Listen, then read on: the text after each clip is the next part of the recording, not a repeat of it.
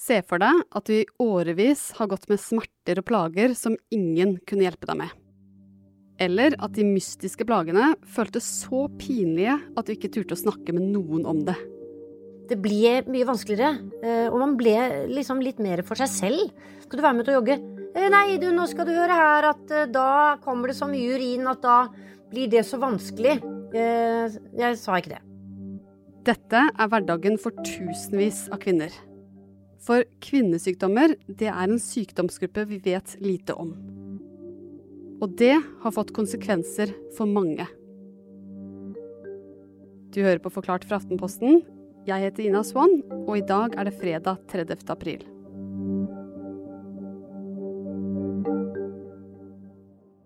De siste 20 årene har jo forskning på kvinner og kvinners helse blitt stadig eh, større tema.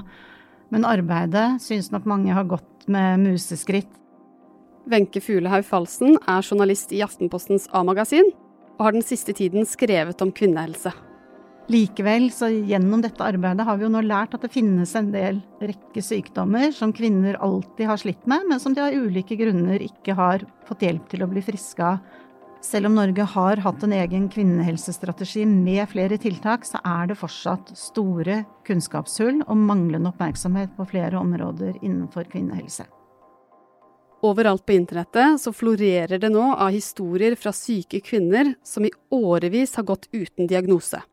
Eller som har fått diagnoser og behandling for sykdommer de slett ikke har hatt. Og en av de som gikk i mange år uten en diagnose, det er skuespiller Mari Maurstad. Når jeg da ikke klarte helt verken å hoste eller jeg måtte slutte å jogge og sånn, fordi at eh, da jeg kunne ikke liksom ha på tre bind. Det var ikke sånn det rant, men det var sånn uh, ubehagelig. Hun hadde nemlig noe som het urinveislekkasje, noe hun syntes var vanskelig å snakke om. Og så er man jo redd for når man skal være sammen med mennesker. Man, hvis, hvis, man skal le Bare å le var ugreit òg. Nei, jeg kan ikke le nå, for nå har jeg glemt det bindet. Så jeg må være helt alvorlig hele tiden nå. For etter å ha født sitt tredje barn, så var det mye Mari ikke kunne gjøre uten at tisset rant. For urinveislekkasje det fører nemlig til at man tisser på seg når man f.eks. hoster, nyser, ler eller driver med fysisk aktivitet. Og det er det tusenvis av kvinner som plages av. Alt som har med sånn avfallsstoffer mm, er nedverdigende. Mensen det er liksom litt kult. Eh, mens eh, på en måte i hvert fall i forhold til det med, med sånn eh, urin og sikkert andre ting også. Men, men også, så tenker jeg eh, Hvordan ville jeg som mottaker ha vært? Hvis jeg ikke hadde hatt dette problemet, og det kom en og sa du vet hva jeg sliter jeg har virkelig, jeg kan ikke løpe, jeg kan ikke gjøre noen ting, eller jeg kan faktisk ikke være med på den skituren fordi jeg er så redd for å tisse, da ville jeg tenkt å, å, da ville jeg ikke, jeg ville ikke liksom gått noe mer til, eh, noe grundigere til verks for å høre ja, kan du fortelle meg litt mer om det? Det er akkurat som jeg ville eh, skjønne eller tro at vedkommende helst ikke ville snakke om det også. Og sånn er det for mange. For kvinnehelse, det snakker man generelt lite om. Men hva er egentlig kvinnehelse? Vi kan egentlig dele dette store temaet opp i to kategorier. Ehm, det gjelder jo selve kvinnesykdommer, som er lidelser som biologisk sett og naturlig nok kvinner rammes av fordi vi er kvinner. Det er eh, sykdommer som livmorhalskreft, brystkreft, syster på eggstokkene og f.eks. menopause, som handler om plager i overgangsalderen. Eh, og dette er jo sykdommer som i seg selv folk skjønner er biologisk betinget. På den annen side så har vi jo begrepet kvinnehelse, som er et mye bredere begrep, som ikke kun handler om diagnose, kvinnesykdommer og medisin, men som er en del av det forskerne kaller kjønnsspesifikk kvinneforskning. Historisk sett så har jo mye av helseforskningen foregått på menns premisser, og et eksempel, et godt eksempel er jo at kvinner og menn har forskjellige symptomer på hjerteinfarkt, noe man faktisk ikke har visst uh, om før nylig, og som fortsatt faktisk er veldig lite kjent blant kvinner. Så kvinnehelse vet vi faktisk fortsatt ganske lite om. Og nå snakkes det jo ganske mye om kvinnehelse, men er det egentlig noe nytt? Det store fokuset som vi faktisk ser nå, eh, denne våren og i disse dagene, henger nok i stor grad sammen med eh, det som skjedde på 70-tallet, da kvinnene faktisk erobret lesesalene blant annet på medisin. Eh, og med flere kvinnelige leger og forskere eh, som banet vei for andre, eh, så ble jo fokuset naturlig mye større på kvinnesykdommer og kvinners helse. Men så er det jo sånn da at det fortsatt er en veldig lang vei å gå. Og for forskerne har fremdeles blikket på, på menn i veldig stor grad. Og jeg tror nok at vi av den grunn ser en ny oppblomstring, en, en, en slags ny bevegelse uh, av bloggere, unge kvinner, jenter, men også menn og gutter, som har tatt opp tråden og snakker om dette viktige temaet, som faktisk kan handle om forskjellen mellom liv og død.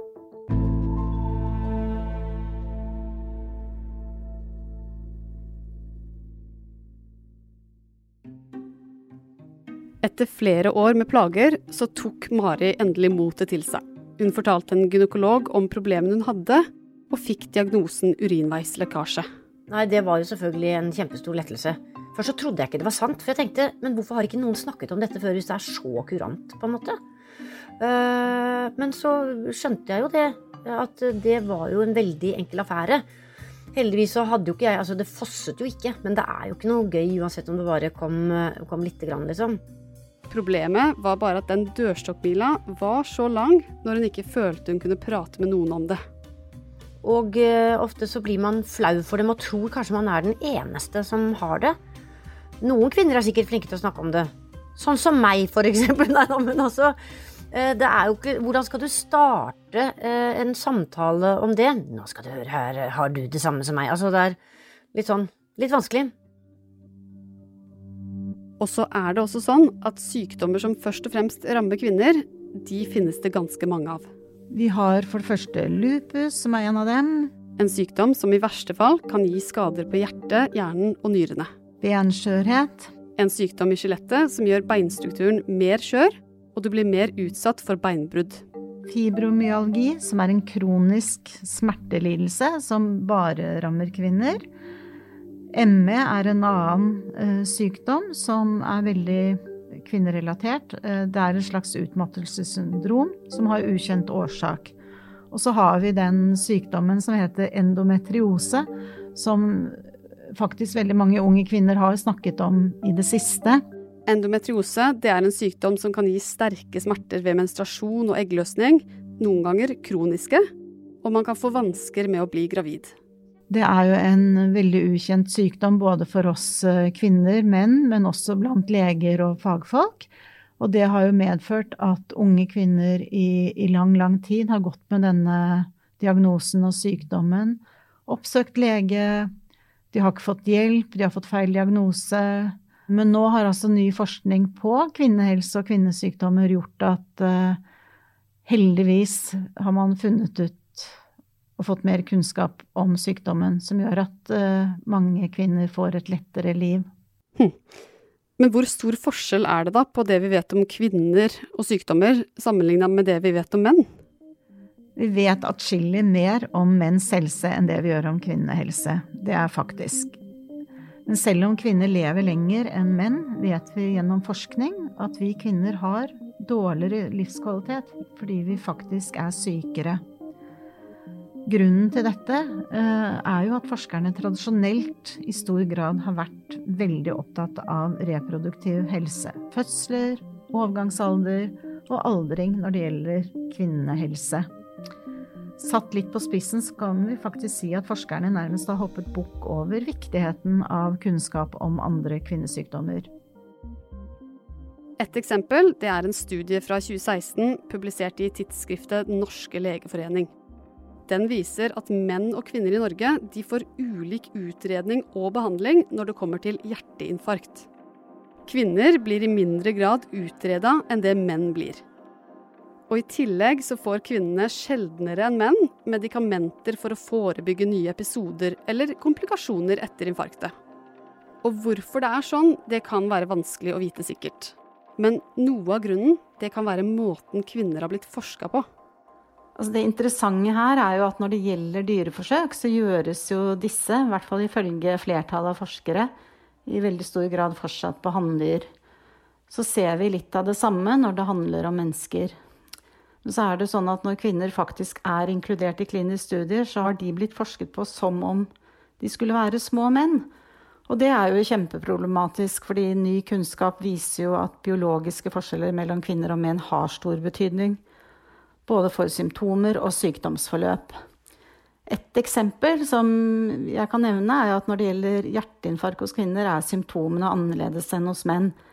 Eh, siden vi har visst så lite om dette, og det har jo legene visst lite om også, så har det i verste fall ført til at kvinner ikke har blitt diagnostisert eller fått riktig behandling og oppfølging. Men ikke alle er enige i at kvinnehelse har blitt like nedprioritert som mange skal ha det til. Nei, noen stiller spørsmålstegn ved om det faktisk stemmer at det er blitt forsket mindre på kvinner enn menn. F.eks. så er det noen som påpeker at i noen tilfeller doneres atskillig flere millioner kroner på forskning som favner kvinner sammenlignet med menn. Det kan gjelde f.eks. brystkreftforskning, eh, som mottar mer penger enn forskning på prostatakreft. Det som jeg tror kanskje er forskjell på menn og kvinner, er at kvinner skammer seg mye mer eh, over ting som nesten bare de vet om, og som de tror de er helt alene om. Eh, og det viser seg jo som regel å være helt feil. Men hvis man skal sitte da 598 kvinner som skammer seg rundt omkring, eh, bare i Oslo, og som man faktisk da kan gjøre noe med, hva det nå enn måtte være. I hvert fall undersøke om det går an å, å gjøre noe med det. Som regel så viser det at det var sånn smakk, ja, så var det gjort. Hvorfor gjorde jeg ikke dette for fire år siden, liksom? Men alltid, man går jo alltid og gruer seg til ting som man ikke vet så veldig mye om også. Å, det gjør sikkert kjempevondt. Og, det er sånn, og så er det jo ikke det. Og løsningen på Maris urinveislekkasje, det viste seg å være en liten operasjon. Det høres jo ikke så veldig gøy ut å legge seg på operasjonsbordet, men har jeg noen gang sagt til meg selv så dumt at jeg grudde meg til dette, for dette var ingenting, så stemte det denne gangen. Og etter det så har jeg fått et helt nytt liv, liksom, rett og slett.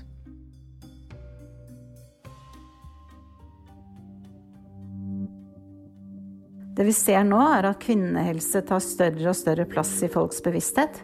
Ikke bare er det sånn at eh, kvinner deler sine historier, men organisasjoner og frivillige jobber faktisk på spreng for å samle inn penger til kvinnehelseforskning.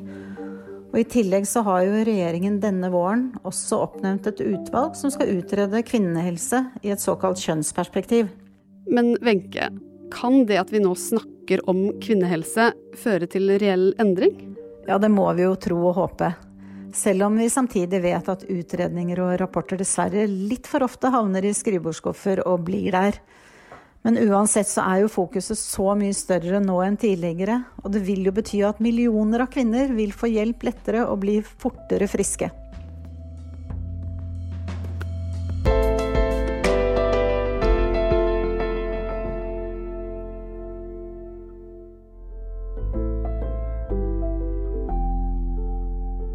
Denne episoden er laget av produsent Fride Næss Nonstad og meg, Ina Svaan.